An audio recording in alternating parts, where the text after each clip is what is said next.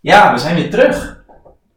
Ja, terug van weg geweest. We hadden even een paar weken een tussenstop. Ja, en in deze podcast gaan we het hebben over verpleegkundig leiderschap, wat het precies is. En ook vooral wat het niet is misschien wel. Ja, ik denk meer wat het niet is en hoe het tastbaar gemaakt kan worden. Dat denk ik. Ja, dat is het inderdaad. We gaan het tastbaar maken. Ja, top. Nou, veel luisterplezier. Ja, Leuk- veel luisterplezier. Ik wilde zeggen, leuk dat je er bent. Ja, tof dat je er weer bent. Wat leuk dat je weer luistert naar de Verpleegkunde podcast Taboe Doorbreken. Dit is Thomas. En ik ben Maaike. Vandaag zitten we op een bijzondere locatie, namelijk in het hartje van Brabant, tussen het gras en de bomen. Ja, en we gaan het hebben over verpleegkundig leiderschap met niemand minder dan Harry Sonnenschijn. Zeg ik je achternaam zo goed? Ja, Ja? zeker. Welkom Harry. Dank je. Ja, jullie welkom hier. Ja, dank je. Bedankt. Ja, we zitten op een mooie plek. Ja, geweldig. Ja, Harry, jij omschrijft jezelf vooral op LinkedIn als natuurmens, familieman, vakidioot en specialist in veranderen. Ja. Hoe zou je jezelf omschrijven? Ehm, nou ja, ik zou mezelf, als je naar mijn nieuwe LinkedIn eh, kijkt, eh, profiel, want dit is volgens mij op Twitter, eh, dan staat er vooral ook Vicky Stoker, natuurcoach. En de laatste tijd gebruik ik de term vooral leiderschapscoach veel. Het is een beetje een vage term, maar eigenlijk wat ik doe is, ik ga met mensen en teams het liefst de natuur in. Ehm, en eigenlijk op zoek naar wat ze beweegt, wat ze drijft en wat elkaar verbindt. Onderling, maar ook met jezelf. En eh, nou ja, als dat lukt, ja, dat is eigenlijk het mooiste wat er is, vind ik. Het innerlijk vuur van de verpleegkundige. Zeker. Niet alleen van de verpleegkunde, ook eh, ga ik met dokters, managers, eh, juist ook die verschillende groepen, als je die met elkaar kan verbinden, ja, dan ontstaat er echt iets moois. Tof. En ondertussen zitten we hier bij een eh knetterend vuur. Ja, zeker. Ja, mooi. Ja, we zijn Vicky aan het stoken Ja. momenteel. Ja, en heel tof dat jullie hier eh, in de tuin of ja, in het bos zijn aangekomen schuiven aan mijn, eh, aan mijn vuur.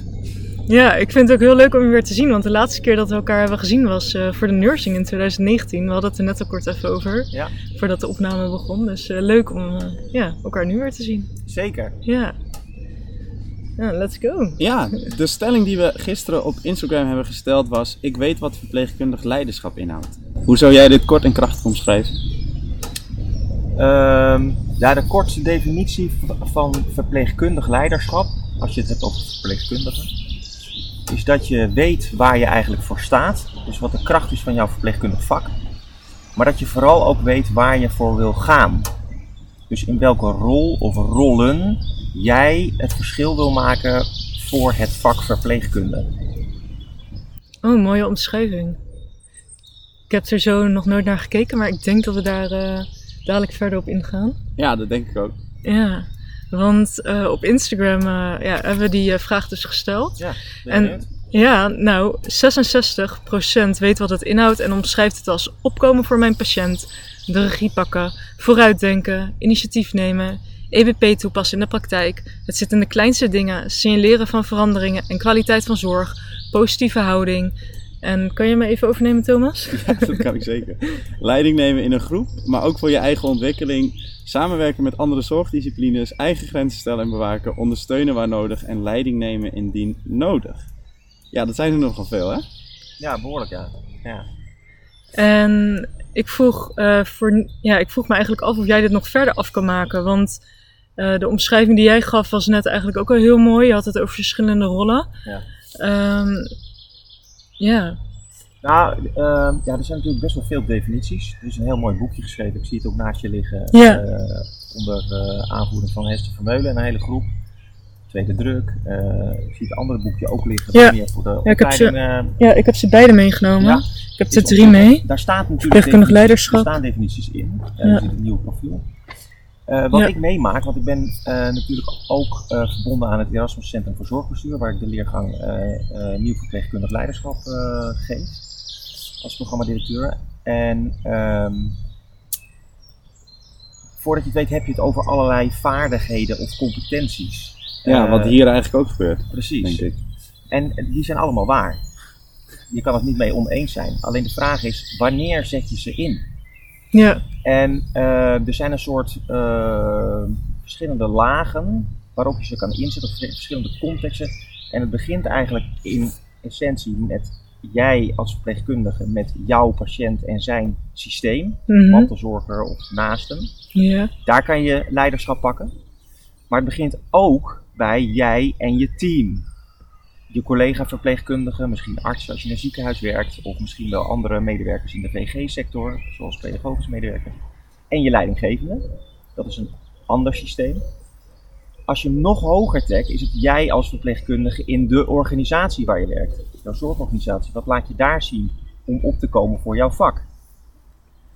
En tenslotte kan je hem nog groter trekken en dan trek je hem veel meer op landelijk niveau. En dan in hoeverre bemoei je je met allerlei beleidsmatige ontwikkelingen voor de, ontwikkeling van jouw vak op arbeidsvoorwaarden, maar met name vanuit de, ja, eh, de kern van jouw vak, de verpleegkunde. ja, mooi. Dus eigenlijk zeg je, als ik het goed begrijp, je hebt dat micro, meso, macro en dan nog groter macroniveau eigenlijk van leiderschap. Klopt. En, en die vergeten we vaak, is eh, helemaal in het kern, want ik gebruik daar een aantal schillen voor. Helemaal in het kern is het jij als verpleegkundige. En in hoeverre toon je leiderschap voor jezelf. En dan kom je veel meer uit bij jouw innerlijke vuur. Want je kan in vuur en vlam staan voor de patiënt en voor je collega en voor de beroepsgroepen en eh, landelijk, eh, wereldwijd. Maar het begint bij, waar sta je nou eigenlijk voor? En in welke rollen en welke niveaus ga je daar nou hard voor maken? Ja, Ja, en dat gaat dan denk ik ook een beetje over persoonlijk leiderschap. Of niet een beetje, dat gaat volledig over Dat persoonlijk is leiderschap. persoonlijk leiderschap, ja. en ik denk ook dat dat gelijk je visie op zorg is. Ja, zeker. Dat, dat eh, ja. Ja, en visie op zorg gaat natuurlijk over de kracht van jouw vak. Maar het gaat ook over visie van wie ben ik eigenlijk als, zorgprofessional. als zorgprofessional. En, eh, maar als, ja, hoeveel eh, verpleegkundigen hebben we uiteindelijk in Nederland? Volgens mij 280.000. Ook durf het je niet te Zoiets, zeggen. Iets in die geest. Dus er zijn 280.000, nou ik noem het even Harry's. Nou ja, dat klopt helemaal niet, want er zijn veel meer vrouwen dan mannen. Maar, maar, en Wat is de verdeling allemaal- eigenlijk? Sorry? Weet je dat? Wat is de verdeling tussen man en vrouw? Volgens mij is het 15% eh 85 Zoiets, hè? zoiets. Ja, en dan zitten we hier met twee mannen en één vrouw. Ja, het is eh, niet helemaal... Nee. eh, Nee. maar ehm, als je die, al die eh, 280.000 op een rijtje zet, iedereen heeft weer zijn eigenheid. Terwijl je toch staat voor dat verpleegkundig vak. En hoe, in hoeverre lukt het ons om eenheid eh, uit te stralen, ook in verscheidenheid? Het klinkt als een dualiteit, dat is het ook. Ja. Interessant. Ik denk dat we hem hier even moeten passeren voordat we de diepte te ver opzoeken, want daar komen we zo nog eh, op. Maar ik vroeg me eigenlijk af voordat we verder gaan, ja, gooi een blokje hout op Ja, het vuur. inderdaad. Ik doe even Ja. wat bijleggen. Het begint wel lekker te sissen. Ja, je hoort het zo Thee, goed. eh, Thee ook wordt lekker warm. Koken. Ja. Wat vind jij er eigenlijk van dat maar 66% weet eh, wat verpleegkundig leiderschap inhoudt? Ehm, nou, ik denk, stel dat ik ze hier uitnodig voor een ge- gesprek, dat ze best wel een idee hebben. Ja. Alleen, als je zo'n stelling voor je neus krijgt, eh, dan denken ook vaak mensen, oh, dan moet ik een hele eenduidige definitie kennen. Mhm. En als ik die niet weet, nou dan zeg ik maar dat ik het niet weet. Ja, Dus eh, ik, ja, ik, ik kan er niet zo heel veel mee.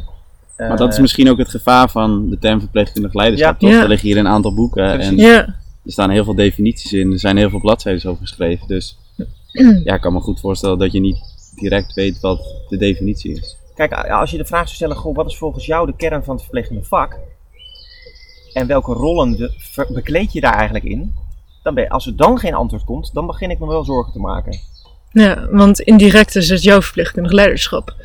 Dan komt dat terug in hoe jij je zorg beoefent, wat jij doet voor de patiënt en hoe jij daarin je leiderschap toont. Als je die vraag stelt. Ja, maar nu is het meer, ken je de definitie? Ja, dan gaan er ook best wel een aantal mensen op slot. Ja, Oh, moet, dan Ja. moet ik even boek- het boekje erbij pakken of snel Ja. op de site van eh, weet ik veel wat kijken. Ja, want dat was eigenlijk ook toen wij begonnen. Toen zei ik van ja, ik heb wat boeken meegenomen. Ik leg ze naast me neer. Ja. En niet dat ik zozeer die literatuur in wil duiken, maar meer in mijn rol als docent. Dat ik eigenlijk wel zelf goed moet weten wat ik nou aan het vertellen ben. Zeker. En dan blokkeert er bij mij eigenlijk ook wel wat. Ja, dus je hebt- dan leg je ze op een andere manier naast je neer. Ja, Ja. ja, Interessant. Nou, en wat ik wel mooi vond, eh, in 2019 toen we elkaar natuurlijk zagen, eh, op het jaarcongres, eh, had Pieter Bas Lalleman ook een verhaal. En die Ja. had een, zo'n pubquiz gemaakt. Ja. En die vroeg ook, wanneer is het laatste boek geschreven binnen de verpleegkunde wat de ti- titel of in de titel of ergens stond verpleegkundig leiderschap. Dat was volgens mij in 1973 even uit mijn hoofd. Dus tussen 1973 en, ja, wanneer is dit uitgekomen? 2018, Ja, 17? ik kan eens even kijken. Hoe- Ja. Hoeveel jaar is dat? Dat is heel lang. Ja, dat is heel veel Ik ben niet zo inderdaad. goed in hoofd rekenen, maar 2018. 2018, Ja, eh 73, 5, dat is 25, 45. 5, is dat Nee. 45? Nee, 35 jaar. 35. verpleegkundigen zijn niet jaar heel goed in hoofd Is dat, is dat Ja. woord weg geweest. Ja, En nu is het er weer, lijkt het een soort hype. Of voor Ja. weet is het het nieuwe. Terwijl het gaat gewoon over je vak uitoefenen. ja. Waarom maken we het eigenlijk zo groot, hè? Want dat schrikt juist heel veel mensen af. Ja, goede vraag. Ik weet het niet. Nee, ja, zonde. Maar we zoeken een woord of zo om iets te, te duiden wat we gemist hebben of zo. Ja, heb je iets tastbaars nodig misschien? Is dat het? Nou, het is wel lekker als je een woord hebt wat, ja, om, wat, om wat alle neuzen om dezelfde iets- richting in te krijgen. Ja, Ja, misschien. Of in ieder geval om het op de agenda te zetten. Dat is meer mijn veranderkundige hart. Of mijn veranderkundige achtergrond. Kijk, het helpt gewoon als je een term of een, iets hebt wat je op de agenda wat je kan benoemen. Me too. eh, iedereen krijgt daar dan een beeld bij. En volgens mij is het met zo'n woord als verplichtend leiderschap ook zo. Kennelijk mist er iets. Dit is dan het woord wat we gebruiken om het erover te kunnen hebben. mm, zo. Ja, Wanneer komt jouw boek over verpleegkundig leiderschap? Vraag ik me af. Eh, die komt er niet. nee, er komt wel een ander boek. oh echt? Oh ja? Ja. Er komt een, bu- een boek over eh, nou ja, vuur maken. Over eh fikkie stoken. Fikkie stoken, ja. Eh, een combinatie van een hand, handleiding fikkie stoken voor dummies. Dat je echt, hoe maak ik een fik? Mhm. In combinatie met hoe voer ik het gesprek over innerlijk vuur. Het gaat niet alleen over fikkie stoken in zo'n apparaat of ergens buiten. Maar het gaat ook over fikkie stoken in jezelf. Ja, dus mooi. die komt er. Maar ik heb vijf jaar gezegd. Over vijf jaar. Over vijf, binnen vijf jaar. En wanneer heb je dat gezegd? Eh, In 1973. nee, nee, nee, nee. Afgelopen eh, zomer toen ik met mijn vrouw eh, naar Frankrijk reed. Ja. Oh ja, En ik zei, ik heb, ik heb een plannetje. Ja, nou Ja, leuk. mensen. Ja. De eerste 2026. scoop. Ja, we horen het graag wanneer die er is. 2026, ja. Ja. Ja. Godverdikkie. Ja. ja. En eh, even teruggaan naar die term leiderschap. Hè? Mhm. Houden we die term nog aan, verpleegkundig leiderschap, in deze podcast? Eh, Diepe zucht. Misschien is het goed om het eh, ja, gewoon maar te doen. We weten, we weten wat het inhoudt, toch? Ja, dat we gewoon in onze gedachten hebben dat het een overkoepelende term is voor eigenlijk handelen wat waarschijnlijk iedereen al doet, maar waar ze zich nog niet helemaal bewust van zijn. nou ja, en ik denk- wel, ja. Ja? En er zijn ook denk ik wel mensen die het niet zo laten zien of het niet doen, omdat ze overtuigingen hebben of in een omgeving zitten die hen daarin belemmert. Alleen uiteindelijk heb je daar zelf altijd een keuze in. Laat je je belemmeren of eh, ga je het aan? En als je het niet aangaat, of, dan kies je er dus voor om het niet te laten zien. En als je Ja. het niet aangaat omdat de omgeving te heftig is, of dat je, dan kan je ook zeggen, dan zoek ik een andere plek of een andere rol. Ja. Ja, Ja, en ik, maar ik denk ook dat daar is wel een bepaalde mate van bewustzijn voor nodig. Iets zeker. Ik denk ook dat, omdat het altijd maar gaat over zorgen voor anderen, dat er ja, weinig bewustzijn aanwezig is bij een aantal. Ja, zeker dat als het gaat om leiderschap bij jezelf en hoe jij dat het fikkie aanwakkeren noemt.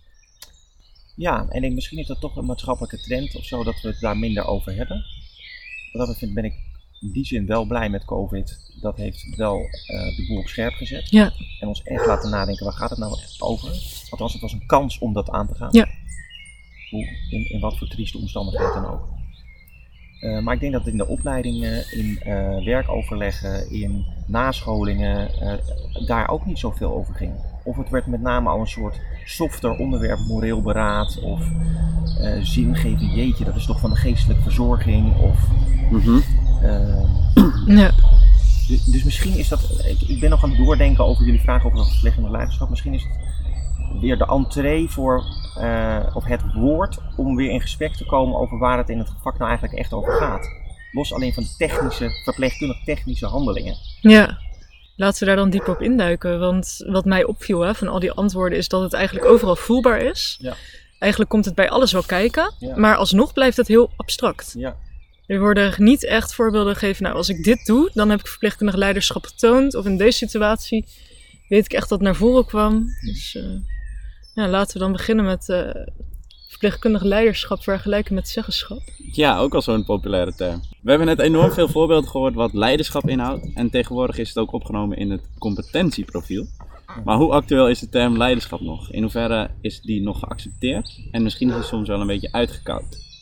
Ja, we hebben het er net al even kort over gehad. Maar het is wel noodzakelijk om die beweging te krijgen dat verpleegkundigen op de vloer het voor het zeggen krijgen, in plaats van enkel het management. Hoe vaak komt het wel niet voor dat bij een innovatie op de werkvloer het hele verpleegkundige team wordt vergeten als zijn stakeholder. En juist denk ik door verpleegkundig leiderschap mee te nemen, dat we van die top-down naar die bottom-up kunnen gaan. Dus in plaats dat beslissingen vanaf bovenaf naar beneden gebracht worden, van de verpleegkundige af naar boven.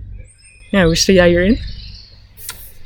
Ja, ook dit is zo eentje die, waar zo'n dualiteit in zit. Hè? Het is of top-down of het is bottom-up. Ja, Ik geloof in, in, in beide niet.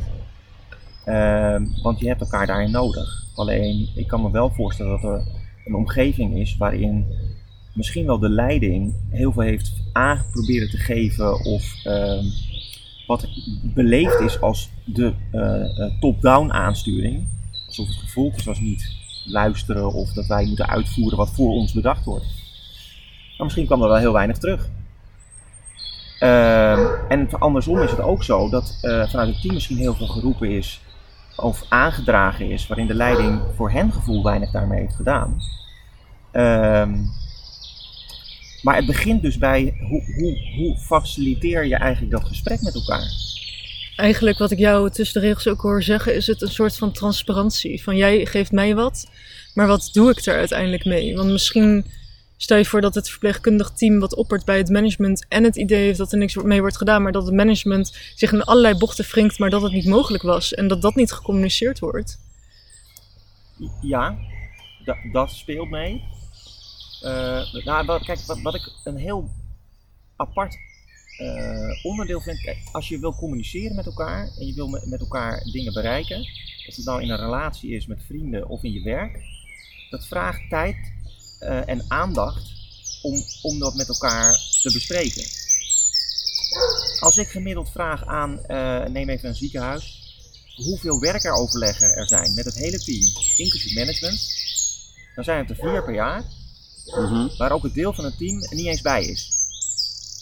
En dan hoop je via een nieuwsbrief of via een mailtje Ja. eh, er mensen bijgepraat te houden. Ja, Ja. Die niet iedereen leest Die niet iedereen leest. Herkenbaar. Hoe kan je dan verwachten dat je met elkaar de boel goed draait? Het is eigenlijk een wonder dat het al zo goed gaat. Dus het is zo makkelijk om dan te zeggen, ja, het management snapt ons niet. Of managers die bij wijze van spreken zeggen, het, de, het team wil niks. Voor de tweede ga je in dat soort dualiteiten. Ja, Terwijl ehm, het aandacht vraagt om het erover te hebben, wat willen we nou met elkaar? En daarnaast, hoe kan je een team meenemen wat, waar een organisatie in de ontwikkeling is? En wat voor richting die organisatie op wil? nou, en zeker de laatste jaren zijn heel veel organisaties in volle ontwikkeling en willen ze allemaal opeens een andere kant op. Denk aan, eh, wat is nou eh, hot? Eh, familieparticipatie binnen de zorg. nieuwe systemen zoals om medicatie toe te dienen, dat soort zaken. En het is best wel lastig als de organisatie allemaal een andere kant op wil, maar dat de verpleegkundigen daarin ook worden meegenomen. Ja. wat ik mezelf ook wel eens afvraag is in, en dat komt dan voornamelijk door de situatie van de laatste twee jaar, in hoeverre willen verpleegkundigen nog veranderen? Door de afgelopen twee jaar. In hoeverre hebben ze verwerkt wat ze misschien nog niet verwerkt he- hebben? Eh, de organisaties willen natuurlijk verder, willen nieuwer, willen veranderen. Maar soms dan krijg ik de indruk dat de verpleegkundige groep daar nog niet klaar voor is. Nou, dat is wel, eh, dat herken ik wel. Misschien willen ze wel veranderen, maar eh, hebben ze gewoon nog tijd nodig om bij te komen. Ja. Iets af te sluiten. Dat is wel wat ik veel tegenkom. En ook in veranderingen in organisaties. Kijk, je, je kan pas weer door als je ruimte hebt in je hoofd of je hart. Eh, en als daar nog eh, dingen zitten ja, die, die, die je moet afsluiten, dan kan je wel harder willen, maar dan ga je of dan raak je veel meer richting eh, uitgeblust zijn. Hè? Ehm, of je, je gaat zo hard rennen dat je, eh, ja, dat, dat, dat je dat op een gegeven moment ook moet bekopen. Ja, dat je ook uitlust eigenlijk. Ja, Ja. Want als je zelf, want als ik dit zo hoor wat jij zegt, dan klinkt het natuurlijk mooi als het op die manier kan. Maar als ik zelf terugdenk aan mijn verpleegkundige tijd, eh, dat ik echt werkte binnen een team eh, dag in dag uit, was het soms best wel lastig om veranderingen teweeg te brengen. Omdat Thomas zegt, soms zijn we gewoon een beetje verandermoe. Ja. En dan denk je van ja, laat dat leiderschap eigenlijk maar zitten. Want ik ben hier om goede zorg te verlenen. En dan doe ik het maar in mijn eentje. Maar het was ook een vraag vanuit Instagram. Hoe neem je dan je team mee? Ja, dat begint dus met het erkennen van ik ben heel hard aan het werk, ik wil dit heel graag, maar ik kom nu niet verder. Ik ben bijna uitgeblust. Om dat aan te geven. Om dat gewoon te bespreken. Alleen wanneer moet je dat bespreken? Wat heb Ja, je als loop inge- ingebouwd in je team, zodat je daar ruimte voor kan maken? Ja, ja, goede vraag. En als het er niet is, kijk, en dan zeg ik altijd van, goh, je kan het eh, heel makkelijk bij een dagstart of een, een eh, dagevaluatie, zou, zou je dat kunnen inbouwen. Alleen wat we, wij als mens zijn ook een beetje, hoe moet ik dat zeggen, Eh, gemaksdieren. Eh, dus als we iets met een eh, intentie doen om de dag te starten, van hoe, hoe zit je erbij, zodat we lekker met elkaar kunnen werken, dat iedereen weet hoe iedereen erin zit Mhm. Kan het ook, eh, voordat je het weet, een afvink. Oh, ik heb jou gehad. Het gaat goed? Ja, goed. Slecht? Goed. Oh, slecht? Nee, en we gaan snel door. Goed, goed. Ja, gaat wel. Of, of groen, oranje, geel. Prachtige eh, interventies. Maar voordat je weet wordt het weer een soort vinklijstje. In plaats van dat het om het vonken gaat. Ja, daar zijn we Ja. dol op, hè, vinken. En Ja. vinken, nou daar zijn we helemaal niet dol op. Nee, dat lijkt zo. Ja, maar Ja, we doen dat het doen wel. we veel. ook met indicatoren. En, en het is ook van belang natuurlijk. Want je meten is weten. Er zit een kant in om je vak te Mhm. ontwikkelen. Maar er is veel meer dan alleen weten. Er is ook vooral voelen. Ja. Ja. Ja. Voelen is snappen wat we bedoelen. Misschien moeten we zoiets in gaan introduceren. weet ik veel. Maar Ja, maar ik ben dus die senior verpleegkundige geweest die bij de dagstart het rondje ging langs die verpleegkundige van ja, hoe sta jij er vandaag bij? ja, Eh, ga jij het redden vandaag? Heb je nog hulp nodig? En dan was het oké, nee, ja, gaat goed, ja, gaat goed. Oké, volgende, ja, gaat goed, ja, gaat goed. Maar iedereen zegt dat het goed gaat, want je wil ook in die trend blijven dat het goed gaat. En dan loop je daarna over de afdeling en dan zie je wel dat er een paar collega's eigenlijk klem lopen die wat hulp nodig hebben van anderen. en als je terugdenkt dan aan die dagstart, had je al toen iemand zei: het gaat goed in jouw buik, of weet ik van waar je het voelt. Want je voelt ergens in je Ja, lijf. tuurlijk, dat voel dat, je. niet, goed- dat het Ja. iemand zegt dit, maar je voelt dat. Ja, maar dan weet je. En dan denk je nou, de volgende keer loop ik wel extra bij je langs. Maar wat, waarom stel je niet meteen de vraag van: goh, ik voel even iets anders, klopt dat? Ja, out in the open. Ja, ik denk misschien dat ik het nu wat eerder zou doen, maar toch om die confrontatie te mijden. Want dat zit ook in ons. Hè? We willen het gezellig houden binnen het team. En als jij zegt van ja, het gaat goed, waarom zou ik eigenlijk verder vragen of het wel echt daadwerkelijk goed gaat? Ja, om het feit om te bespreken. Maar aan de andere kant zou ik het niet doen om. Ik weet niet of jij eh, hierin herkent, Thomas, met de coachings die je geeft. Nou, ik ben natuurlijk geen verpleegkundige meer. Dus kijk, in de coaching, als, of als ik mensen coaching geef en ik ja, begin altijd met de vraag hoe gaat Een het? andere rol. Ja, dan ben ik niet meer. Nee, de ik bedoel meer eh, wat je dan- hoort van hen. Nou, mensen zeggen altijd hoe gaat het? Dan zeggen ze goed. En dan zeg Ja. ik, wat gaat er dan goed? Wat betekent goed? Ja. Want iedereen zegt altijd ja goed. Of ja goed, Ja. maar druk. Ja, ook zoiets. Ja, ik heb het druk. Ja, Ja. Maar je weet, als je daar als senior verpleegkundige staat of regieverpleegkundige en je hebt dat te overleggen, weet je ook wel welke verpleegkundige wat zegt.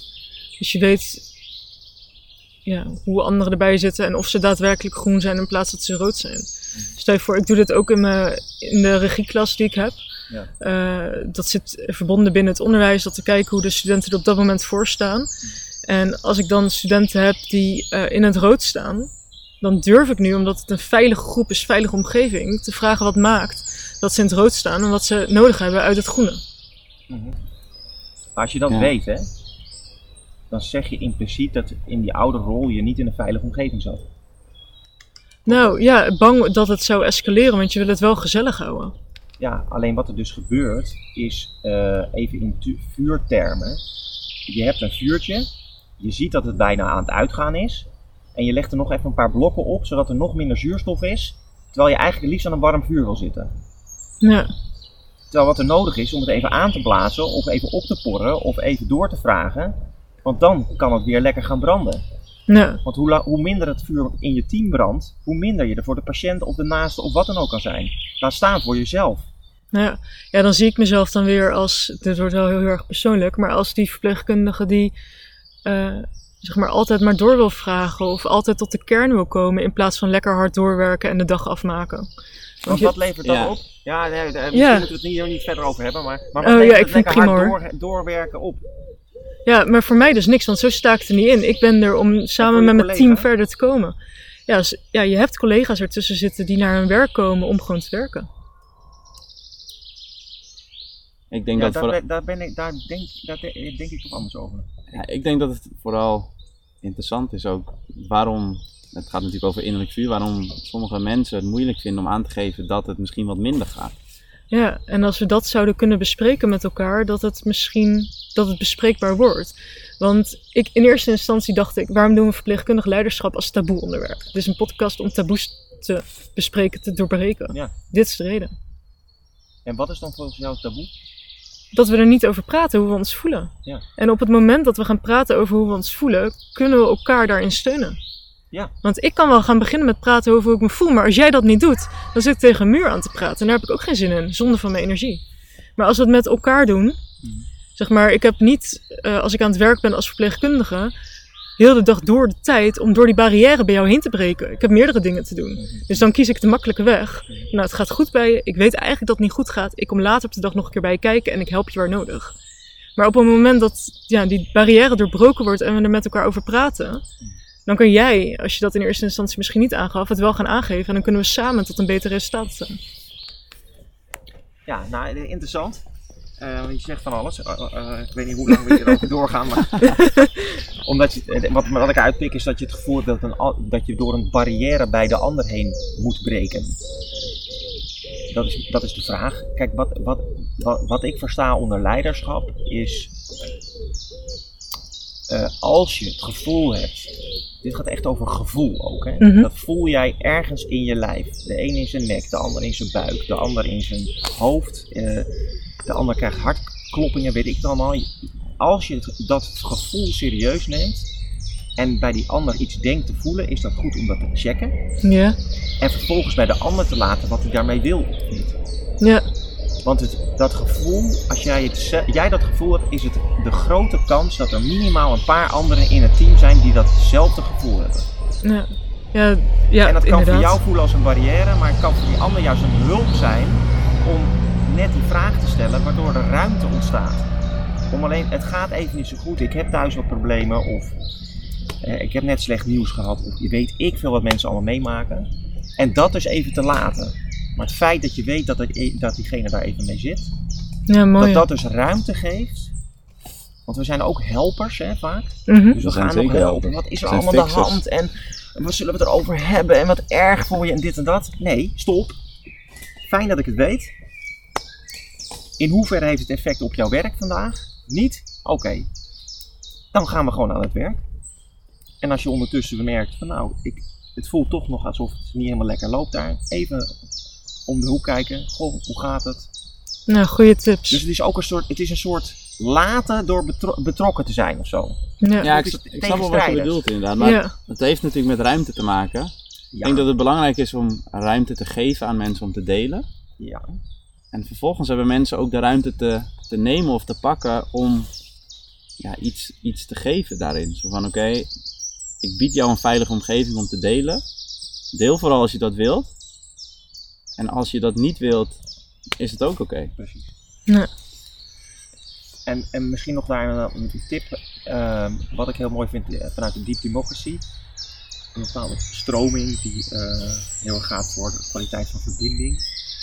Is wat ik vaak doe als ik met groepen ook begin, is twee vragen. Eén, wanneer is deze werkdag of deze sessie of dit overleg voor jou van toegevoegde waarde? Dus wanneer is die voor jou geslaagd? Ook al heb je een agenda gehad, doelstellingen, weet ik het allemaal. Mhm. Het kunnen voor mensen hele andere dingen zijn dan wat er op papier staat. Dan geef je op dat moment die persoon aandacht om zijn punt te maken of zijn ruimte even in te nemen. Mhm. En de tweede vraag is, wat leidt je nou mogelijk af? En dat is ja, eh, mijn vriendin is ziek geworden, eh, er wordt een pakketje bezorgd en er is niemand thuis. De hond is overleden, ik weet niet wat allemaal. De gekste dingen komen voorbij. En met die twee vragen check je letterlijk even in.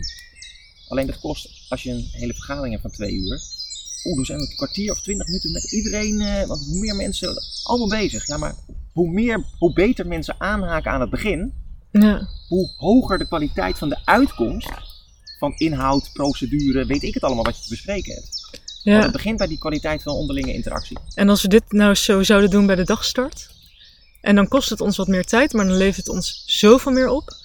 Ja, Alleen er zit een maar in, want als je dat elke dag doet, Dan wordt het een vinkje. ja, dan wordt het voordat je het weet een vinkje. ja. Dus- dat en moeten dan- we voorkomen. En dan ga je meer naar een vaardigheidsniveau, terwijl je wil naar een dieper niveau van intentie. Ja, je wil wel die connectie voelen. Ja. Ja, ja. Maar ik denk wel dat als je de ruimte hebt binnen het team en dat je weet dat je team veilig is en je kan die connectie gaan voelen met elkaar, dat dit wel een fijne methodiek kan zijn om eens in de zoveel tijd te doen. Ja, precies. Ja. Want is het Ja. ook niet, als je daarmee begint, dat je mensen competent maakt om het op een gegeven moment zelf te, te Ja. kunnen. Zodat mensen het gaan overnemen, het Ja. zelf gaan integreren. Wat ik net eigenlijk zei, van ja, daar ben ik dan bang voor dat dat niet gebeurt. Maar ik denk ja, Ja, Precies. Ja. Maar dat is jouw overtuiging. Vraag is of dat zo is. Het is ja ook mooi om dat te onderzoeken. vooral een error. Proberen. dat is sowieso altijd een goede vraag. Is het 100% waar? Ja, Ja, nou, goed, daar kunnen we ook Ja. een hele, kan je ook een hele serie over maken. ja. Dat is waarheid. Ja. Wat is waarheid inderdaad? Dan gaan we de filosofie in. En eh, het boek eh, Verpleegkundig Leiderschap eh, begint eigenlijk met eh, situ- situationeel leiderschap Ja, en transformationeel leiderschap. ja. Waarbij we eigenlijk de beweging, als ik het goed zeg, hebben gemaakt van het een naar het ander. Waarbij we nu meer aanmoedigen en ondersteunen. Hoe kijk jij daarbij naar? Ja, ik vind dat heel ingewikkelde termen allemaal. Ja, ik dus ook. Ik, eh, en dat is weer dan of het is situationeel, of het is transformationeel, of... Maar er is niks ertussenin. Ja, Ja, je hebt nog zoveel meer theorieën, maar het is of het een of het ander. Het is soms zo zwart-wit. Ja, ik vind het zo- sowieso. Kijk, we hebben natuurlijk wat dingen voorbereid, maar ja, ik vind het allemaal. Het zijn zoveel termen. Ja. Ja, Als ik heel eerlijk ben, ik zie gewoon door de boom het bos niet meer als het gaat om verpleegkundig leiderschap. Ja, en waar zitten we? Ja, Ja. het heeft zo moeten zijn, denk ik. Ja. Ja, maar dat is natuurlijk het nadeel als er weer zoveel over geschreven gaat worden. Dus ja. ik denk dat de- het belangrijkste is dat je de dingen uitpikt die voor jou van belang zijn. Want hoe beter je zelf weet waar jij vindt dat het leiderschap voor staat, eh, hoe verder we komen met elkaar. Ja, interessant. En waar vind jij dan dat leiderschap voor staat? Als jij concrete voorbeelden kan benoemen. Ja, daar heb ik dus niet zozeer een concreet antwoord op.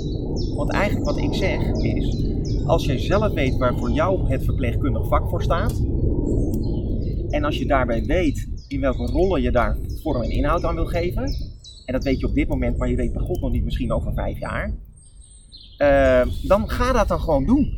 Ja, dus dat is eigenlijk, als ik dat weer leg naast het competentieprofiel, gewoon helemaal competentie 16. Dat is je verpleegkundige visie.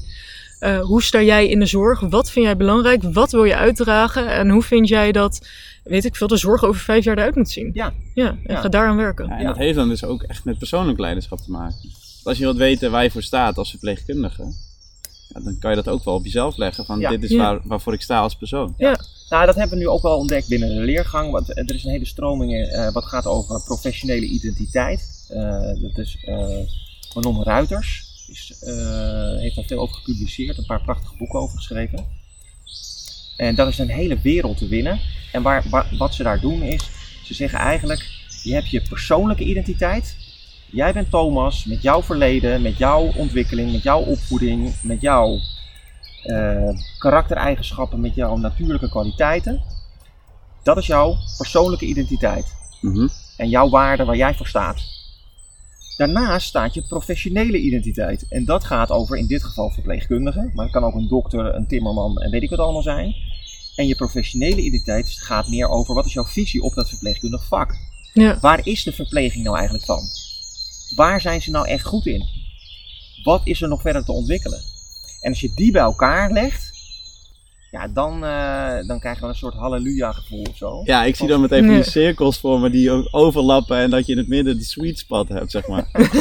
Ja, ja, precies. Maar, maar dat, dat is wat wij mensen willen. Wij willen het weer kunnen pakken of zo. Mhm. ja, En dan, wat is dan de sweet spot? En is het er nou wel in, niet in? Ja, geen erop? idee, ja. Weet je, dan krijgen we allerlei dat soort discussies. Maar het, het helpt wel om dat soort beelden te pakken. ja, En met elkaar daarover in gesprek te gaan. Maar ook een stuk verstilling op te zoeken. En met collega, verpleegkundigen, daarover in gesprek te gaan. Ja, het klinkt voor mij heel, Onder begeleiding. het klinkt eigenlijk heel simpel voor mij. Wat is voor jou Wat is voor jou een geluksmoment? Wat geeft jou zingeving en voldoening? Als persoon en als verpleegkundige. Ja, interessant. En Want Het denk- lastige daar wel aan is, is soms weet je nog niet wa- wat voor geluksmomenten je zou kunnen beleven als je het nog niet gedaan hebt. Ja, Snap ja, wat ik bedoel? ja, Mhm. ja, zeker. Dus als je Ja. mij tien jaar geleden had gevraagd, wat ben jij over tien jaar aan het doen? Hier een podcast aan het opnemen bij een kampvuurtje eh, over de kern van het verpleegkundig vak. Had ik je gezegd, joh, nee. eh, waar heb je het over? Dus, Ja. eh, en dat bedoel ik met die, waar je voor gaat, die rollen. Misschien wil je, vind je het leuk om beleidsmatig of projectmatig dingen te gaan doen. Misschien vind je het leuk om inderdaad het onderwijs in te gaan. En dat kan beginnen met een klinische les tot uiteindelijk hoogleraar en weet ik het allemaal eh, eh, te zijn. Misschien vind je het leuk om eh, onderzoek te doen. Wat begint met je af te vragen van waarom doen we dit altijd zo? Tot een, een PICO, tot een promotieonderzoek, tot uiteindelijk ook universitaire Ja. En in hoeverre gun je jezelf eh, om te onderzoeken welke rol nou eigenlijk bij je past? Zonder te willen weten dat ik het morgen moet weten of die rol echt bij me past. Ja. Ja, dat is ook een stukje acceptatie, denk ik. Van, en misschien ook een stukje goed genoeg van wat ik nu aan het doen ben is goed. En ik accepteer ook, of ik kijk naar de toekomst, hoe je het ook wilt zeggen, dat ik later meer wil. Dat het dan misschien niet meer genoeg is wat ik nu heb. ja, of juist dat je nu voldaan bent bij wat je nu doet en dat over vijf jaar nog steeds hebt. Dan is ja, dat, dat ook prima. kan ook Is inderdaad. ook Ja. prima. Dat is ook prima. Zolang je daar maar bewust van Ja. bent. Ja, En dat vind ik zo gaaf met, die, eh, met de leiderschapstrails die ik ontwikkel, eh, ontwikkeld heb. Eh, om daar met professionals mee aan de slag te gaan. Waar je start met een verlangen. Dat probeert vast te pakken. Want dat is echt waar je voor, voor wil staan. En dan, en dan kom je bij obstakels. Wat zit er allemaal in de weg? Bij mezelf of in mijn omgeving. Om dat verla- verlangen te kunnen gaan leven. En daar, die weg is dan vooral te gaan. Daar heb je dus leiderschap in te tonen. En daar heb je kritische vrienden voor nodig om dat te gaan onderzoeken. En ook binnen de leergang Nieuw Verpleegkundig Leiderschap. Juist daar komen mensen voor in de leergang om veel meer bewust te worden. Waar sta ik nou echt voor? Daar moet je soms ook een pitch over houden. Maar het gaat niet om die pitch. Het gaat meer om het zelf doorleven. En waar ga ik dan voor? Dus welke rollen wil ik me meer manifesteren? Ja, ik vind het zo interessant dat je dit zegt, want ik had dat voorbeeld opgeschreven. En eh, ja, voor degenen die mij niet eh, heel goed kennen, eh, ik ben in 2016 eh, afgestudeerd als verpleegkundige en ik wilde toen eigenlijk altijd onderzoek in. We hadden het net even in je keuken er eigenlijk al over van ja, wat maakt nou dat je dat onderwijs bent ingegaan? Want dat is nooit iets wat ik heb gewild. Nee. En eh, als ik nu kijk naar welk pad ik heb doorlopen, zijn dat ook de dingen die ik eigenlijk opschrijf als verpleegkundig leiderschap. In een VAR deelnemen, Ja. protocollen wijzigen van het ziekenhuis, deelname aan de protocollencommissie zelf, opkomen voor patiënten. En dan opkomen ook naar aanleiding van wat zij zeggen, maar het laatste onderzoek. Ja. Eh, EBP-werkgroep op de afdeling opzetten. Eh, en als ik die dingen zeg maar erbij pak, wat voor mij verpleegkundige leiderschap is, zijn dat de dingen die mijn pad hebben uitgestippeld. Precies. En uiteindelijk ben ik door juist die dingen te doen, Ja. erachter gekomen dat het onderwijs wel erg bij me past. En dat weet je dus nu al. En je bent nu hoe oud? 27, 27. bijna Dat 28. is best snel. Weet je wel? Eh, Ja. ik, ik kwam er pas twee jaar geleden weer achter. Eigenlijk van dat buiten zijn, vuur maken, dat is mijn passie. Nee. Alleen ik kon daar nooit een vorm voor vinden. Ik, ik, ik kon niet bedenken dat dit kan. Mhm. Ja, Omdat we Ja. allerlei overtuigingen hebben. Je moet in een kantoor coachen, je moet, Ja. eh, eh, weet ik veel, allerlei overtuigingen die in de weg zitten.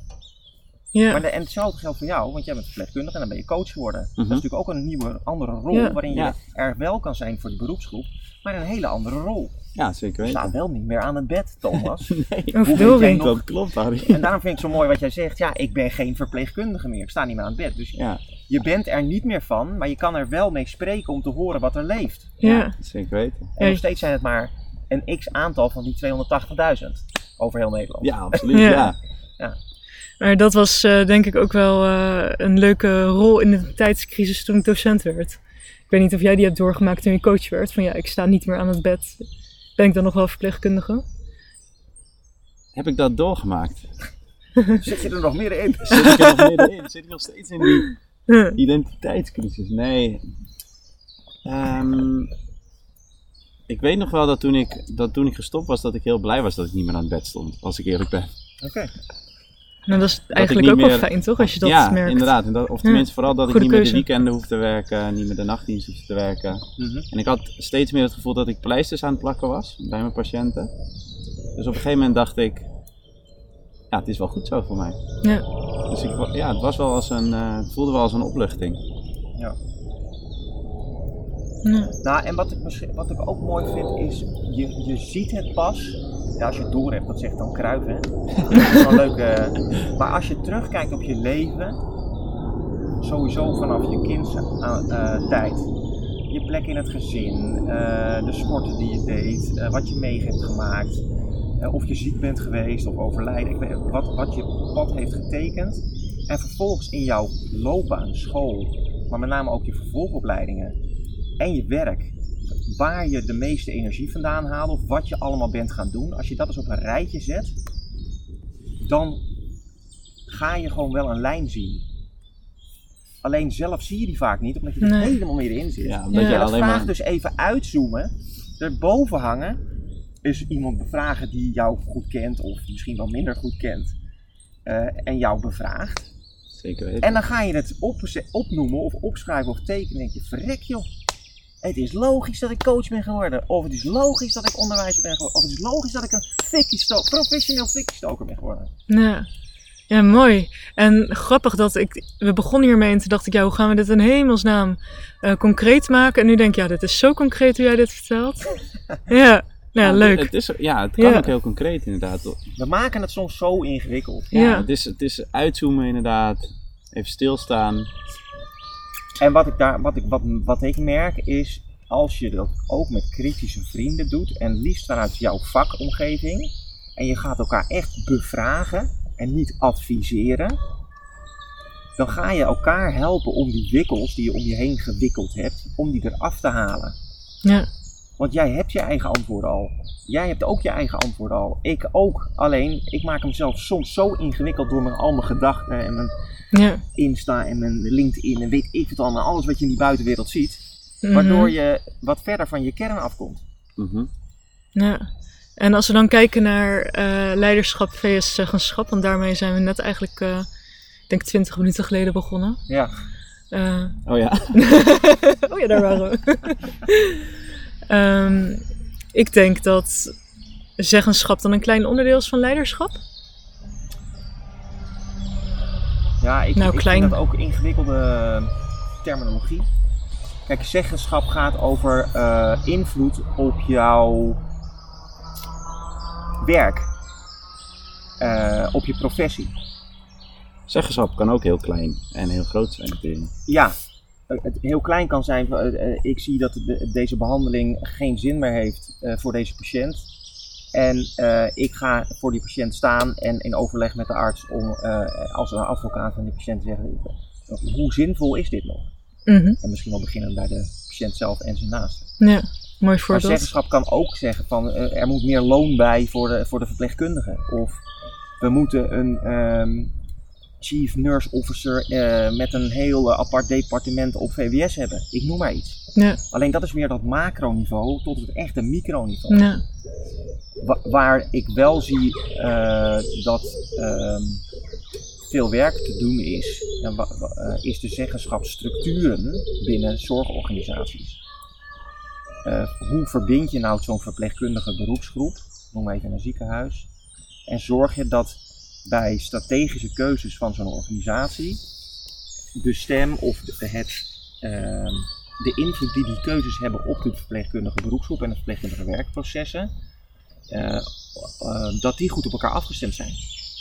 En maar wat je dan vaak krijgt, is dat je een hele structuurdiscussie. Dan moeten we een VAR of een VSB of een Chief Nurse Officer of een weet ik veel wat hebben.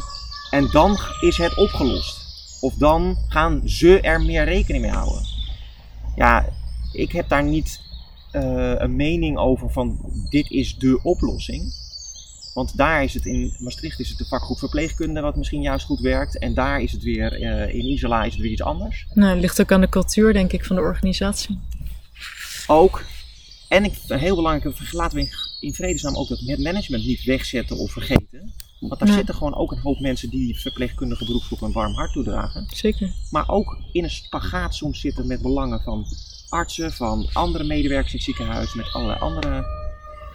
ehm, en voor dit weet gaan we die hele verpleegkundige beroepsgroepszeggenschapsstructuur om die lijn heen Nee, organiseren. Nou, daar geloof ik echt niet in. Nee. Dan krijg je een soort waterhoofd. Ja. Ja, uit verbinding eigenlijk. Precies. En eh, als we het dan hebben, want het is denk ik wel een mooi bruggetje om verder te gaan eh, naar je kop boven het maaiveld uit te steken. Eh, hoe kijk jij hier tegenaan als verpleegkundige? Eh, je kop boven het maisveld, ja, dat, dat vinden verpleegkundigen over het algemeen ingewikkeld. Dat is eng- vinden we eng. Ja, Over het algemeen. doodeng. ja, Het is ook eng. Maar Ja. het, want het heeft twee kanten. Hè? Dus één, eh, vaak binnen het team, het zogenaamde krabbenmand-effect. Van ja, jij gaat, je, denk jij nou dat jij daar eh, het meest van af weet? Of eh, ben jij nou in één keer vriendje van de manager? Of ja. eh, zit jij nou eens in één keer bij de raad van bestuur? Hallo, wij maar weten er meer. dit wat jij nu zegt, dat bedoelde ik net dus. ja, Ja. ja, als ik daar ga staan als die senior verpleegkundige, dan steek ik mijn kop boven het maaiveld uit en dan kan je dit soort opmerkingen krijgen. dat zou kunnen. Maar dan laat je je dus beïnvloeden door jouw eigen groep. Ja. Dus dan hebben we het over zeggenschapsstructuren naar de organisatie toe. Terwijl we binnen de eigen groep niet eens ons kop boven het maaiveld uitsteken. Dat is natuurlijk ook gek. Ja, eh, hartstikke gek. Ja, Interessant, hè? Ja, zeker, ja. Ja, Ja. absoluut. ja. Terwijl, ja, wat kan je nou eigenlijk gebeuren? Ja, je kan je neus een keer stoken. Ja, je krijgt een keer op je kop. Of ja, je, je krijgt een keer tegengas. Ja, dat is ook normaal. ja so be it. Het, en don't take it personal. Ja. Mhm. Ja. Alleen, ja, de, vaak heeft dat weer ook met eigen overtuigingen te maken. ja, zeker. Ken jij het boek Zet de patiënt op 2?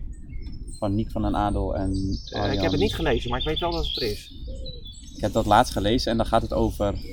Oeh, moet ik het goed zeggen natuurlijk. Volgens mij over. Wat ze daarin bedoelen is dolfijnen en haaien, volgens mij. Ja, En een dolfijn is dan dus echt iemand die bevlogen is en nieuwe ideeën teweeg brengt. En als je dus een haai wordt, dan word je iemand die wel een tijdje zijn kop boven het maaiveld uitsteekt, maar daar op een gegeven moment stopt omdat Ja. hij geen gehoor krijgt. ja. Hoe kunnen we er nou, hoe kunnen verpleegkundigen binnen hun teams er nou ook voor zorgen dat die dolfijnen niet veranderen in haaien? De dolfijnen hebben natuurlijk zelf ook wat werk te doen door niet. Nou, door het even te beginnen niet eh, mensen weg te zetten alsof ze dolfijn zijn. Want dat is ook zoiets, weet je wel. Hetzelfde als bij veranderen. Ja, je hebt de laggards, die willen nooit mee. En je Oh, hebt, ja. en je hebt de, de, de early innovators, dat zijn de mensen die altijd enthousiast zijn en altijd voorop lopen. Oh ja, dat heb Nou, ik ook dat, nog- eh, heb ik dat heb in mijn gehad, master inderdaad, gekregen hoor. En ik moest heel mijn team uit gaan zoeken wie wat was. ja. De Ja, lab- maar weet je wat je Ja. doet? Dan, dan ga je weer st- stickers Labeltjes plakken. Labels plakken. Ja, En verschrikkelijk. voor het weet ben je weer aan het verwijderen. Ja, Ja, Veel interessanter zou zijn, goh, laten we eens met elkaar onderzoeken eh, wat, eh, welke veranderingen er zijn en wat voor voor kwaliteiten we in het team hebben. ja. En hoe gaan we dat met elkaar doen? Maar dat is het leuke, want als je de laggard, zeg maar, de pakt van het team, je hebt er is dat altijd de een onderste paar. categorie? Ja, de onderste categorie. Ja, die, die zouden allemaal niks willen. Die hebben Ja, weerstand. ja, Ja, ja, ja. Dus die zijn nu nog tegen een mobiele telefoon bijvoorbeeld. Ja. Nou, ja. nou, ik ook. Maar je gaat met hen Zit echt in gesprek en je zoekt dat vuurtje bij elkaar op. Dan kun je wel naar voren komen met elkaar. Kijk, en wat het punt vaak is, je kop boven het maaiveld het wordt eng als jij de enige bent. Er is zo'n heel mooi filmpje op internet ook. Dan zie je zo'n kerel in een, eh, op een festivalterrein, eh, zie je eh, op een gegeven moment gaan dansen. En dan er staan allemaal mensen zo omheen. En die, eh, die kijken die gast aan en die denken, jeetje, wat, is- wat is die aan het doen joh? Ja, daar ga ik echt niet bij staan, doe even normaal. Mhm. Over kop boven het maaiveld staan uitsteken. Maar vervolgens gaat er iemand meedansen. En dan komen er nog een paar bij. En op een gegeven moment voel je dus dat, die, dat het kantelt. Maar als die ene daar niet was gaan dansen, was nooit iedereen gaan dansen. Dus je kan wacht, zeggen tegen iedereen: Hallo, ga dansen. Ja, Ja, zolang er niemand begint en daarmee dus een aantal mensen meeneemt, dan heb je dus de kans dat het wel gaat lukken. ja, en ergens dan misschien ook wel jezelf niet serieus genoeg neemt dat je dat kan doen. Precies.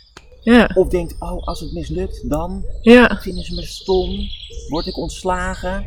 Ben ik een slechte verpleegkundige? Maar dat is denk ik ook wat er gebeurt als je kop boven het maaiveld uitsteekt. Dan kom je je eigen demonen tegen. Yes. Dan, dat is eng en dat is angstig. Yes. En dan denk je, oh, wat zullen ze wel niet van me denken? Ja. Ben Ja. ik wel goed genoeg? Want mijn vader, mijn moeder, mijn schooldocent, whatever, je komt allerlei angsten tegen. ja. Precies. En dat, ja, Die dat, je heeft, zelf aan het voeden bent. Dat Ja. heeft ook met persoonlijk leiderschap te maken. Dat je daar ook naar gaat kijken. ja. Zeker. En dat je, dat je naar jezelf kijkt en dat je denkt, hé, hey, misschien voel ik me soms wel eens niet goed genoeg. Precies. En dat is wat ik in die trails ook vaak zie als je het hebt over verlangen. Dat, op een gegeven moment kan je dat wel weer aanboren. Maar dan bij die obstakels vragen we ook, maak een bouwwerk van obstakels in de natuur. Nou, daar ligt hier van alles. Het mag zo groot en meeslepend mogelijk zijn. Je wil Mhm. niet weten wat mensen bouwen. En dat zijn obstakels die soms personen identificeren. Hè? Die houdt mij tegen. Nou, natuurlijk houdt die persoon jou niet tegen. ja, het gedrag geleden van die persoon ja. heeft invloed op jou, waardoor jij iets niet doet. Nou, mooie uitleg, ja. En vervolgens ehm, is het ook de zaak dat je kijkt, wat, waar gaat dit nou bij mij over? Welke angsten of frustraties zijn dit? En waar wil ik nou van af? En dat gaan benoemen, nou, gooi je het ook nog in het vuur, dat, dat- daar hou ik daarvan. Het is meteen voeding voor je vuur, hè? dus je Mhm. angsten. En je, jij noemt het demonen, nou dat is ook een beetje een Ja, christelijk woord. tuurlijk. ja. Eh, me- Meteen heel heftig, maar ja, ik, ik deel het met je. Ja, Die zijn eigenlijk prachtige voeding om jouw innerlijke vuur brandend te houden. ja. ja dat, is, dat zeg ik ook. Ik omschrijf het vaak als, je kan de put wel helemaal dicht doen, maar als de put dicht gaat, dan het positieve komt er niet als enige uit. Je zal ook je negatieve dingen aan moeten kijken. Ja. Om ja, je innerlijk vuur of je positievere kanten te gaan zien. En te gaan voelen ook vooral. Zeker. Nou, stel je nou voor hè, dat eh, ik heb een voorbeeld. Ehm, ik eh, vind het altijd fijn als ik dingen kan visualiseren. Eh, eh, ik heb gewerkt eh, binnen een afdeling. Ik ga het even zo anoniem mogelijk houden.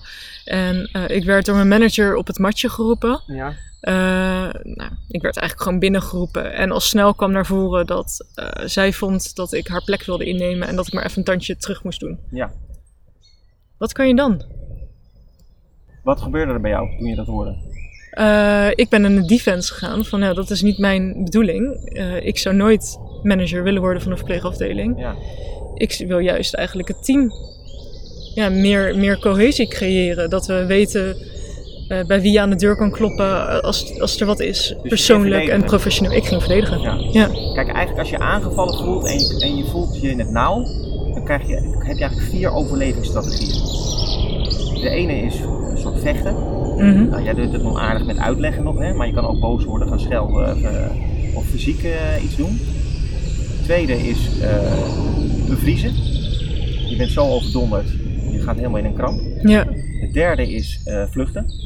Oké, wegwezen, ik doe het niet, ik ga naar een andere afdeling, eh, ik, ik ga het niet aan. En de laatste is pleasen. Oké, ja, nee, je hebt gelijk, dus, eh, ik zal het niet meer doen. eh, eh. Mm.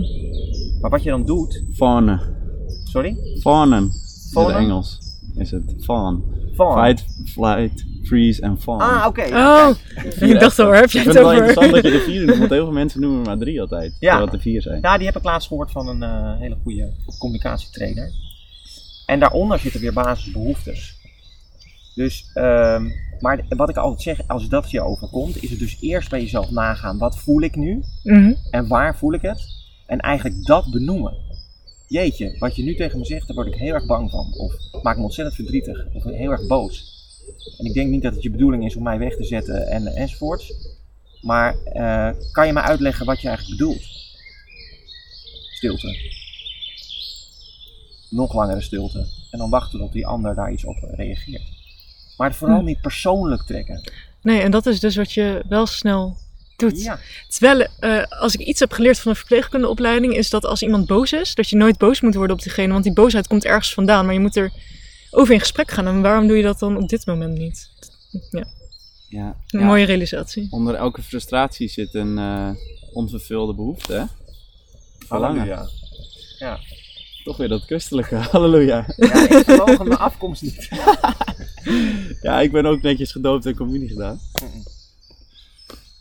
Eh, ik zag eh, in dat eh, boek, Leiderschapsontwikkeling van verpleegkundigen, Ja. zag ik een mooi diagram. En ik dacht, ik zag dat diagram en ik heb een, daarover een vraag voor je. Eh, leidt het feit dat juist je hoofd boven het maaiveld uitsteken soms niet beloond wordt tot het feit dat wat wij denken onze waarden, opvattingen en hiermee dan onze acties niet leiden tot de acties die we zouden willen ondernemen?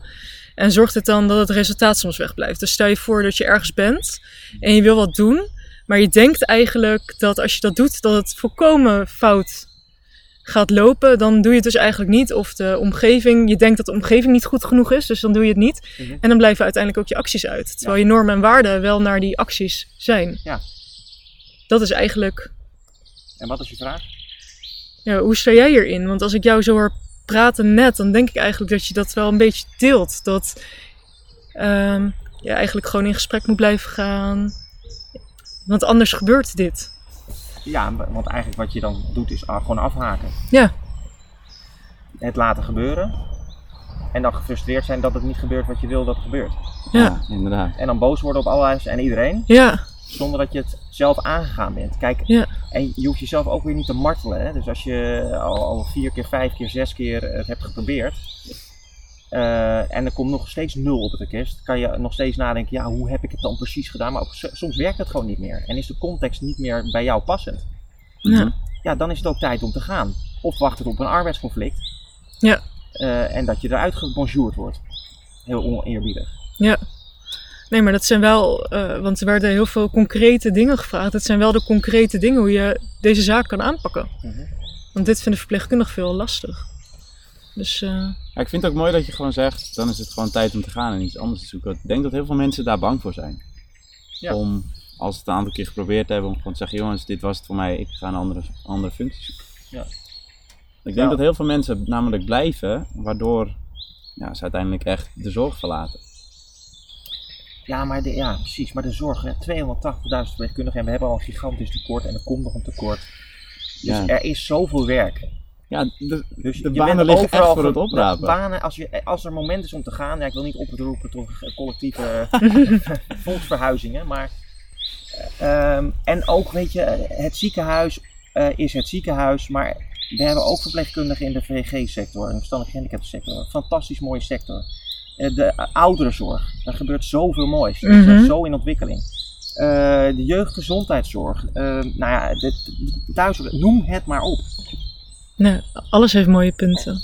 Ja. Ja, zeker. En dat is ook wel weer een beetje het lastige aan ons vak. Het is zo'n breed vak. Ja. Je kan op veel plekken en je wilt toch vaak een soort houvast van dat ik goed ben in de theorie van die precies sector. En als je in het academisch ziekenhuis wordt eh, of gaat werken, ja, de, de hematologie, eh, dat, dat is super gespecialiseerd. Tot eh, de interne in een academisch centrum is weer wat anders dan de interne van een regionaal streekziekenhuis. Ja. Ja, maar dan is het denk ik afvragen wat past bij jou, waar word jij gelukkig van en streef dat na. Ja. En dat is dan ook jouw leiderschap. Maar dat kan niet als je al. ehm, nou, dat moet ik even goed zeggen. Dat kan vooral als je ook gaat onderzoeken. En of je dat binnen je huidige functie doet, of dat je juist wisselt van functies. Ja, daar kan ik niet over oordelen. Dat, dat is ieder zijn eigen pad.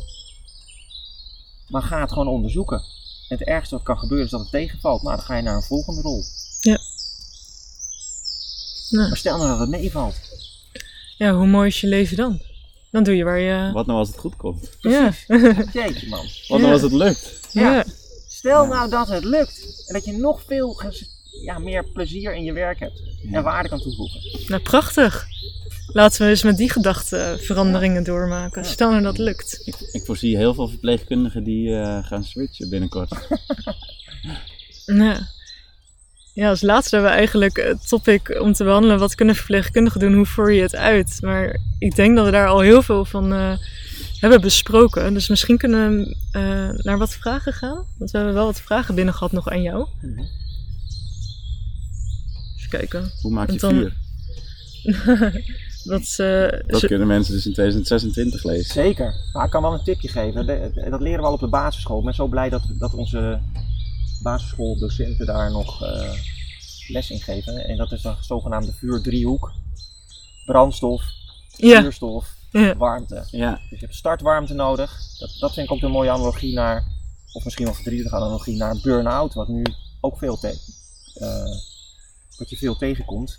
Eh, ook bij jonge, jonge eh, mensen. Is, dan is dus jouw innerlijke vuur gedoofd. Nou, als je weet hoeveel energie het kost om een vuur aan te krijgen, mhm. ja, is het dus zo belangrijk om te zorgen dat met regelmaat je er brandstof opgooit, dat het aanblijft. En je hoeft niet meteen alles erop te gooien waardoor je een soort paasvuur krijgt, want dan ben je er in één keer doorheen. Dus het is af en toe ook handig om af en toe te doseren. Ehm, en die zuurstof heb je ook nodig. Dus als je veel te veel op, erop gooit zonder dat je aangeblazen wordt door collega's of door mensen om je heen, ja, gaat het ook niet werken. ja. De jezelf misschien ook wel. En door jezelf. Ja, uiteindelijk eh, door jezelf. Maar het Ja. is soms ook fijn Ja, om je, hebt ook, je, ja, je kan het niet alleen doen Nee. natuurlijk, zeker. niet. nee. Nee. Nee, ik Ja. denk dat zonder dat ik de vraag gesteld heb, dat je de vraag al beantwoord hebt. Oh ja? Ja, hoe wakker jij leiderschap aan bij mensen? Hoe ik dat doe? Ja, Eh, poeh, ja, dan moet je aan mensen vragen, hè. Dat kan ik, kan, eh, ja, met wie ik werk. Ja. Ehm, Op zoek gaan naar dat innerlijke vuur. ja, dat is, ja. En het liefst aan een fik. Een, li- een live fik. Buiten. Wandelend. Ehm, ja, in gesprek. Over, eh, Een gesprek aan een vuur. Ja. ja. en een kopje thee. En vervolgens concrete acties, denk ik. Van de mensen zelf. Ja, maar dat laat ik vooral bij die mensen. Ja. Omdat ik ervan overtuigd ben dat je zelf echt wel weet wat je te doen hebt of wat je wil. Mhm. Alleen, eh, en, ja, en wat je helpt is die wikkels eraf of wat aangeblazen te zijn, zodat jij verder kan. Ja. Want ik heb jouw recept niet. Nee. Ja, dat, dat zeg ik zelf ook altijd. Ik zeg dat de antwoorden zitten al in jou. Ik stel je alleen wat vragen en vervolgens ga je zelf en maak je fouten of het lukt of niet. Kijk, en als je echt heel erg vast zit, dan heb je natuurlijk professionele hulp nodig. En dat ben ik niet. Ik ben een leiderschapscoach, ik ben geen psycholoog, ik ben geen psychiater. Ik heb wel een vader die psychiater is en een zus die psycholoog is. Dus ik je kan ze ik doorverwijzen. hulplijnen. maar, maar je moet gewoon ook bij je eigen lees blijven. Ja. En, en het contact van mens tot mensen, als dat lukt, ja, dat, is, eh, dat, dat vervult mij in ieder geval. Ja, ja, mooi. Ik heb zelf wel nog een, eh, of wel, ik heb zelf een eh, vraag voor je. Ja. Wat ik, het verhaal wat ik zelf wel eens gebruik en wat ik soms dan volgens ook wel eens weer leg. Ja. Ehm, Joran Albers heeft wel eens een blog geschreven bij VNVN. Mhm. En dat ging over Calimero-gedrag bij verpleegkundigen. Ja. Zie jij dat ook als eerste vraag? Wat is Calimero gedrag? Calimero-gedrag is dat je jezelf klein voelt en dat je jezelf klein houdt. En dat je jezelf eigenlijk niet serieus neemt. ja, tuurlijk kom je er wel eens tegen. Ja. Hij zegt namelijk dat, nou, ik, ik heb geen percentage, maar dat bijna de hele verpleegkundige beroepsgroep dat doet. Nou, Zelf vind ik dat nogal. nou, ehm, daar ben ik niet met hem eens. Nee, ik ook niet nou, dus ik dacht, ik vraag het even aan jou. Aan de andere kant kom ik wel veel verpleegkundigen tegen die zitten met een ik ben niet goed genoeg stuk in zichzelf. Mhm. Zie jij dat ook? En je, Eh, ja, zeker. Maar dat geldt ook voor heel veel andere professionals. Er zijn ook veel dokters die dat hebben. Of Ja. eh, ik bestuurders of managers. Is dat niet iets, want wij hadden in de auto best wel een goed gesprek Mhm. eh, toen wij hierheen reden. Is dat niet iets van eh, ook onze generatie een beetje? Dat, Nee, dat is- eh, volgens mij gaat het veel verder terug. Dat zullen ook onze voorouders en de ouders. Alleen het ja, maar we hebben nu pas de mogelijkheid om het op te lossen. Als je kijkt naar Ja, dat weet ik niet. de oorlog van onze opa en oma's, Ik denk- daar, waar die hebben Ja, gezeten. dat zou kunnen. Wat ik denk is Ja. dat er steeds meer ruimte en eh, besef en eh, kennis en ervaring beschikbaar komt om het daarover te hebben. Eh, maar wij dragen ook nog van alles mee van onze voorouders. Mhm. Dus systemisch gezien zijn we nog met dingen aan het oplossen die helemaal niet van ons zijn. ja, Maar die nog van veel eerder zijn. Alleen, en ik denk dat onze voorouders ook eh, vragen hadden: ben ik wel goed genoeg? Of ehm, eh, hoe moet dit? Ehm, alleen iedereen manifesteert op een andere manier. De een gaat duiken, de ander gaat zich overschreeuwen, eh, de ander gaat iets gebruiken. Eh, ja, weet je, er zijn verschillende manieren om daarmee te kopen. mhm. Ja, Ehm, ja, punt. ja. ja, punt. Ja, Ja. ja, nee, ja. Ah, en misschien als laatste, wat ik wel een mooie anekdote vind. Ik had met mijn vader, die is nu begin 70, eh, gepensioneerd eh, psychiater. En ik vroeg hem wel eens van, ehm, wa- wanneer wist jij nou dat jij eh, geslaagd was als eh, psychiater? Wanneer had je het gevoel dat ik ben nu echt goed in mijn vak? Ja, volgens mij, ik weet het niet meer exact, maar pas op zijn 50ste of 55ste had hij het gevoel dat hij helemaal op zijn plek was. Ja. Dus, de, dus vanaf zijn, nou ja, noem even 28, zeg van het gemak 30 toen hij klaar was met zijn, dan is hij dus 25 jaar nog zoekende geweest. En misschien af en toe een stemmetje, ik ben nog niet goed genoeg of ik moet nog beter of wat dan ook. Mm,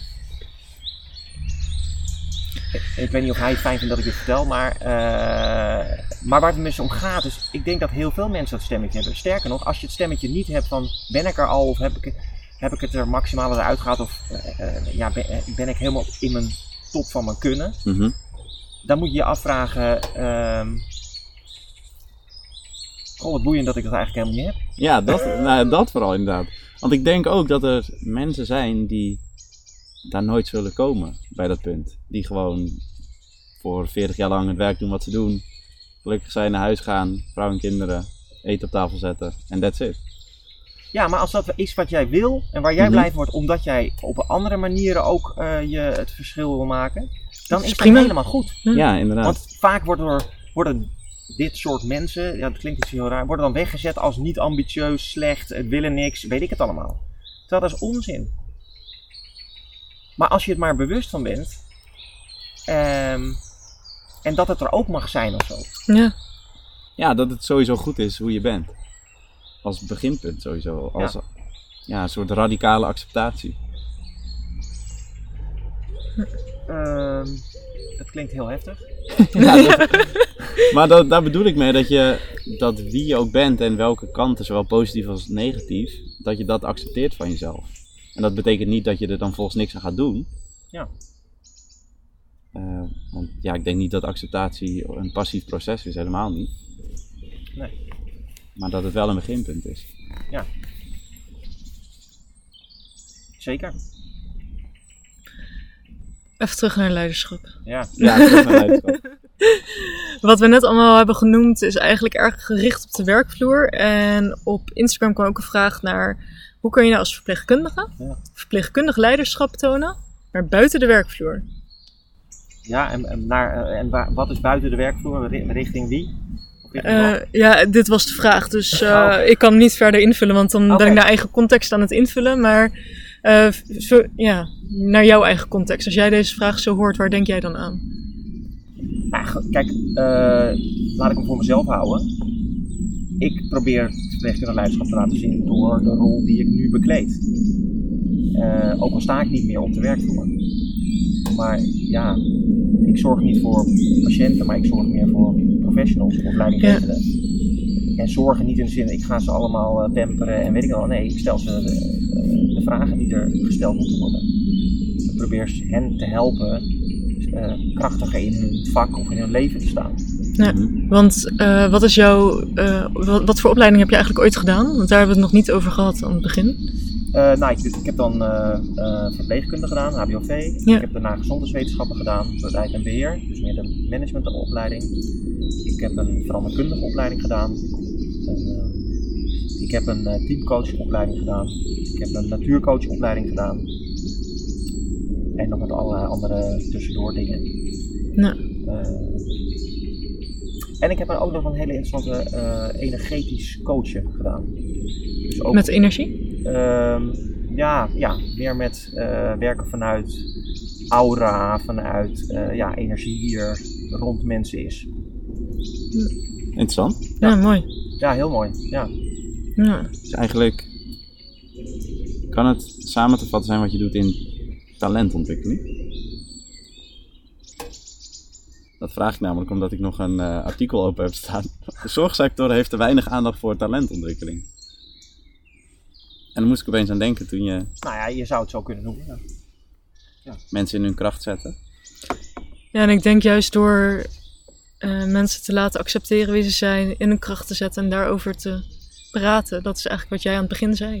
Ja. Dat is die leiderschap die je dan uit en met elkaar hebt. Ja. Ja, en dat kan je dus ook doen, om terug te komen op de vraag, buiten je werk om. Ja. Op eh, feesten en partijen kan je ook praten over je beroep. Zeker. Familieverjaardagen, oh je bent alleen maar eh, billen aan het wassen. Nee, ik ben niet alleen maar billen aan het wassen. Ja. Ja. Ja, en dat is meer een soort reactief. Terwijl ik wel, ja, goh, ik had vandaag weer een hele eh, ingewikkelde casus. Ik had een patiënt en dit en zus. En die eh, ging bijna sterven. Toen heb ik dat gesprek opgestart. En da- dan heb je een heel ander gesprek. Ja, mooi, het tastbaar maken voor anderen, Ja. wat het beroep nou uiteindelijk is. Ja en, heel, he- ja, en dan heeft iedereen wel mensen in zijn omgeving die wel eens ziek zijn of die ergens last van hebben. Of die als je in de verstandelijk gehandicapt werkt, die iemand kent die een Ja. dochter, zoon, vader, moeder heeft met een beperking of wat dan ook. Ehm, het is echt bizar eigenlijk dat het zo'n tastbaar beroep, dat zo dicht bij mensen staat, Ja. dat je daar vaak zo weinig verhaal bij maakt. En dat je Misschien eigenlijk. het te normaal is of zo, ik heb geen idee. Ja, misschien is dat. Nee, ik denk niet. Nou, ik, ik, ik denk omdat we de beeldvorming van de verpleegkunde die kan gewoon vele malen beter. Want de mensen die niet in de zorg zitten, die eh, hebben de beeldvorming naar aanleiding van de dingen die ze horen. En er wordt niet heel veel gepraat. Ja. En naar aanleiding van de series, die, die komen gewoon niet overeen met Nee. de werkelijkheid. Op het journaal. Of het journaal. Ja. Ja. wat vaak ook niet de lading dekt. Nee, dus Dus, daar is eh, nog wel wat te doen. Ja. Ja. Ja, Maar dat is weer op groot, eh, groot schaal. Eh, Het begint natuurlijk op de feestjes en de partijen en de verjaardagen. eh, wa- waar jij als verpleegkundige je verhaal kan doen. Ja. Alleen, ja, misschien vinden we het te nor- normaal of niet interessant genoeg. Of ben ik blij dat ik juist even niet over mijn werk hoef te praten op een feestje.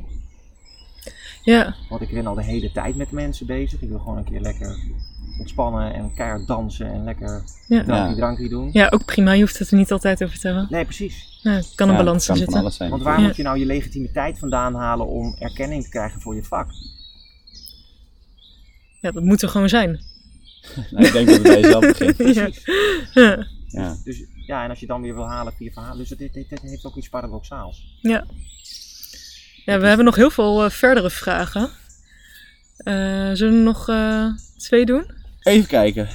De eerste die gaat over het toepassen van leiderschap binnen het competentieprofiel. Ja? Kunnen we deze vraag nog breder beantwoorden dan wat we tot nu toe gedaan hebben? Ja, dit is. Maaike, hier moet ik jou heel even voor hebben. C11 Ja. koppelen met C12 en C16.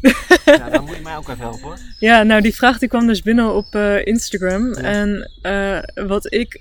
Ik ben eh, instellingsdocent, houdt in dat ik binnen het Erasmus MC op eh, de hoofdhalsafdeling en interne oncologie studenten begeleid en beoordeel.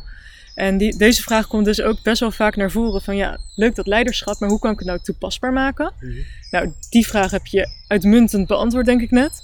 Maar dan gaat het over het toepasbaar maken binnen het competentieprofiel. En ik denk dat dat al tussen de regels door naar voren is gekomen. Eh, competentie 16, eh, je verpleegkundige visie. Die kan je daaraan koppelen. Ja. En ik had ook competentie 12, dat is coördinatie. Ja. Dus dan wel van de HBO-verpleegkundige het competentieprofiel. ja, Eh, maar in coördinatie van zorg ben je natuurlijk ook enorm veel bezig met je leiderschap. zeker. Ja. Terwijl ik, eh, ik ben natuurlijk ook programma-manager geweest binnen het Jeroen Bos ziekenhuis, waar we toen de functiedifferentiatie hebben geïmplementeerd voor Web Digno. Ja, Ehm, en wat, wat mij daar nog van bij is gebleven, is dat met name die coördinerende rol, dat juist ook eh MBO-verpleegkundigen, of die al heel lang in het vak zitten, die echt, eh, dat die daar ook buitengewoon competent in kunnen zijn. ja tuurlijk. Ja. Ja. Dus, ehm, en dat is natuurlijk ook een type van leiderschap, maar dat is alsof je ja, in een proces, een werkproces, dingen, taken toebedeelt, eh, zorgen dat dingen lopen. ja. Ehm, ja, dat is ook een competentie. En daar kan je in groeien als mens zonder een HBO-opleiding te doen. Uiteraard. Sterker nog, ik denk dat er ook een hoop mensen beter in kunnen zijn dan dat je mensen met een Ja. HBO-diploma. Ja, ja Maar dan zeker. kijk je inderdaad weer naar de kwaliteiten van mensen. Ja. Ja. Ja. Gelijk, eh, we hadden ook een vraag over die functiedifferentiatie, hoe die eh, verhoudt tot leiderschap. Ja, En ik denk dat je die ook al deels beantwoord hebt nu. ja want dan hoor ik wel eens, oh, eh, lei- leiderschap is, is iets van of leidinggevende. Nou, dat is natuurlijk onzin. Want leiderschap gaat over, over jouw functie, over je rol. Over Ja. je vak. Maar het heeft dus ook niet met MBO, HBO, verzorgende. Leiderschap kan je tonen in welke functie en welke rol dan ook. Het vraagt iets van iedereen. Ja. Dus leiderschap heeft niks te maken met leiding geven. Nee. Goede boodschap. Ja, behalve van jezelf. Juist. Het was even stil en toen kwam... eh, Ja, ik was even diep in gedachten. Ik zat naar dat vuur te kijken en ik dacht... natuurlijk hiërarchisch leiding geven. Ja, ja, ja, zeker. Ik zat naar dat vuur te kijken en ik dacht, zal dat vuur het wel gaan doen? Maar inmiddels staat het weer aan. Ja, maar dat ging bijna uit, hè? Ja, Ja. zag je het? Ja, dus je weer ik, wat er gebeurt als je dus niet tijdig je brandstof ja, dus ik was met die driehoek zo... Ik dacht, ja, wat hebben we nu nodig? Maar ja, En het mooie is, de zuurstof, er zit een klepje bovenin. Het klepje heb je naar voren getrokken, waardoor die zuurstof makkelijker doorheen trekt. Het is gewoon een natuurwet, mhm. dat hij hem wat aanblaast. Dan krijg je wat rook. En nog één laatste tip, het hout moet echt kurkdroog zijn. ja, Hoe ja meer dat, vocht er nog in het hout zit, hoe lastiger het, het vuur aangaat en hoe meer rook vormt. ja, dat heb ik geleerd met de scouting vroeger. Goed zo. Je bent geslaagd. Pink. De knopen die kan ik allemaal niet meer helaas. Ja, ik ook niet. hè. Nou, de laatste vraag die was, eh, hoe kan je leiderschap, er zit een beestje op me. Zo. Hoe kan je leiderschap eigenlijk wat breder trekken dan enkel eh, de ziekenhuiszorg? Maar ik denk dat eh, als je deze hele podcast niet hebt geluisterd, dat je weet hoe je dat moet doen. Dat, eh, het gaat niet om, ja, om per se de sector waar je in zit. Het kan in elke sector. Het kan in elke laag. Ja. ja. Denk ik ook. Wat zit je nog te denken, Thomas? Ja. Ik zit naar die, eh, ik zat naar dat ding te kijken. Welk ding? Ja, dat zwevende object. Het was een vlieg Oh, die heel mooi aan het bewegen was. oh, Oh. Ja, vol fascinatie was ik, eh, was ik aan het kijken. Die heb je in de stad zit, niet. Die zit ook hier naar te kijken. Ja, ja, Wat ja. die aan het doen? Met een en inderdaad, een ja. kachel en Ja, mijn, ach- mijn achternaam is groen. Dus, dus ik, eh, ja, diep van binnen ben ik ook echt een natuurmens. Dus ik zit vol te genieten hier. Mooi. En eh, dan wilden wij nog even kort benoemen dat we deze aflevering, als het goed is, geen sponsor hebben. Eh, dat is erg jammer, dus we zitten hier eigenlijk gewoon vanwege passie momenteel. Ja. Ehm, maar eh, ja, jij kan ons natuurlijk wel een beetje sponsoren. En dat is door een review te geven, de podcast te liken, je te subscriben en te delen met je omgeving op de feesten en partijen ook. Absoluut, absoluut. Ja. Als je nou een fikkie wilt stoken, Harry, wat moeten mensen dan doen? Een innerlijk vuur wilt stoken, daar gaat het wel eigenlijk voornamelijk om. Hoe kunnen mensen jou bereiken? Ja, via LinkedIn. Ja, LinkedIn. ja, Daar staat mijn telefoonnummer. ja. En eh, gewoon een appje sturen of even bellen. En, eh, maar ik kom ook graag naar je toe. Ik ga ook met teams eh, de natuur in.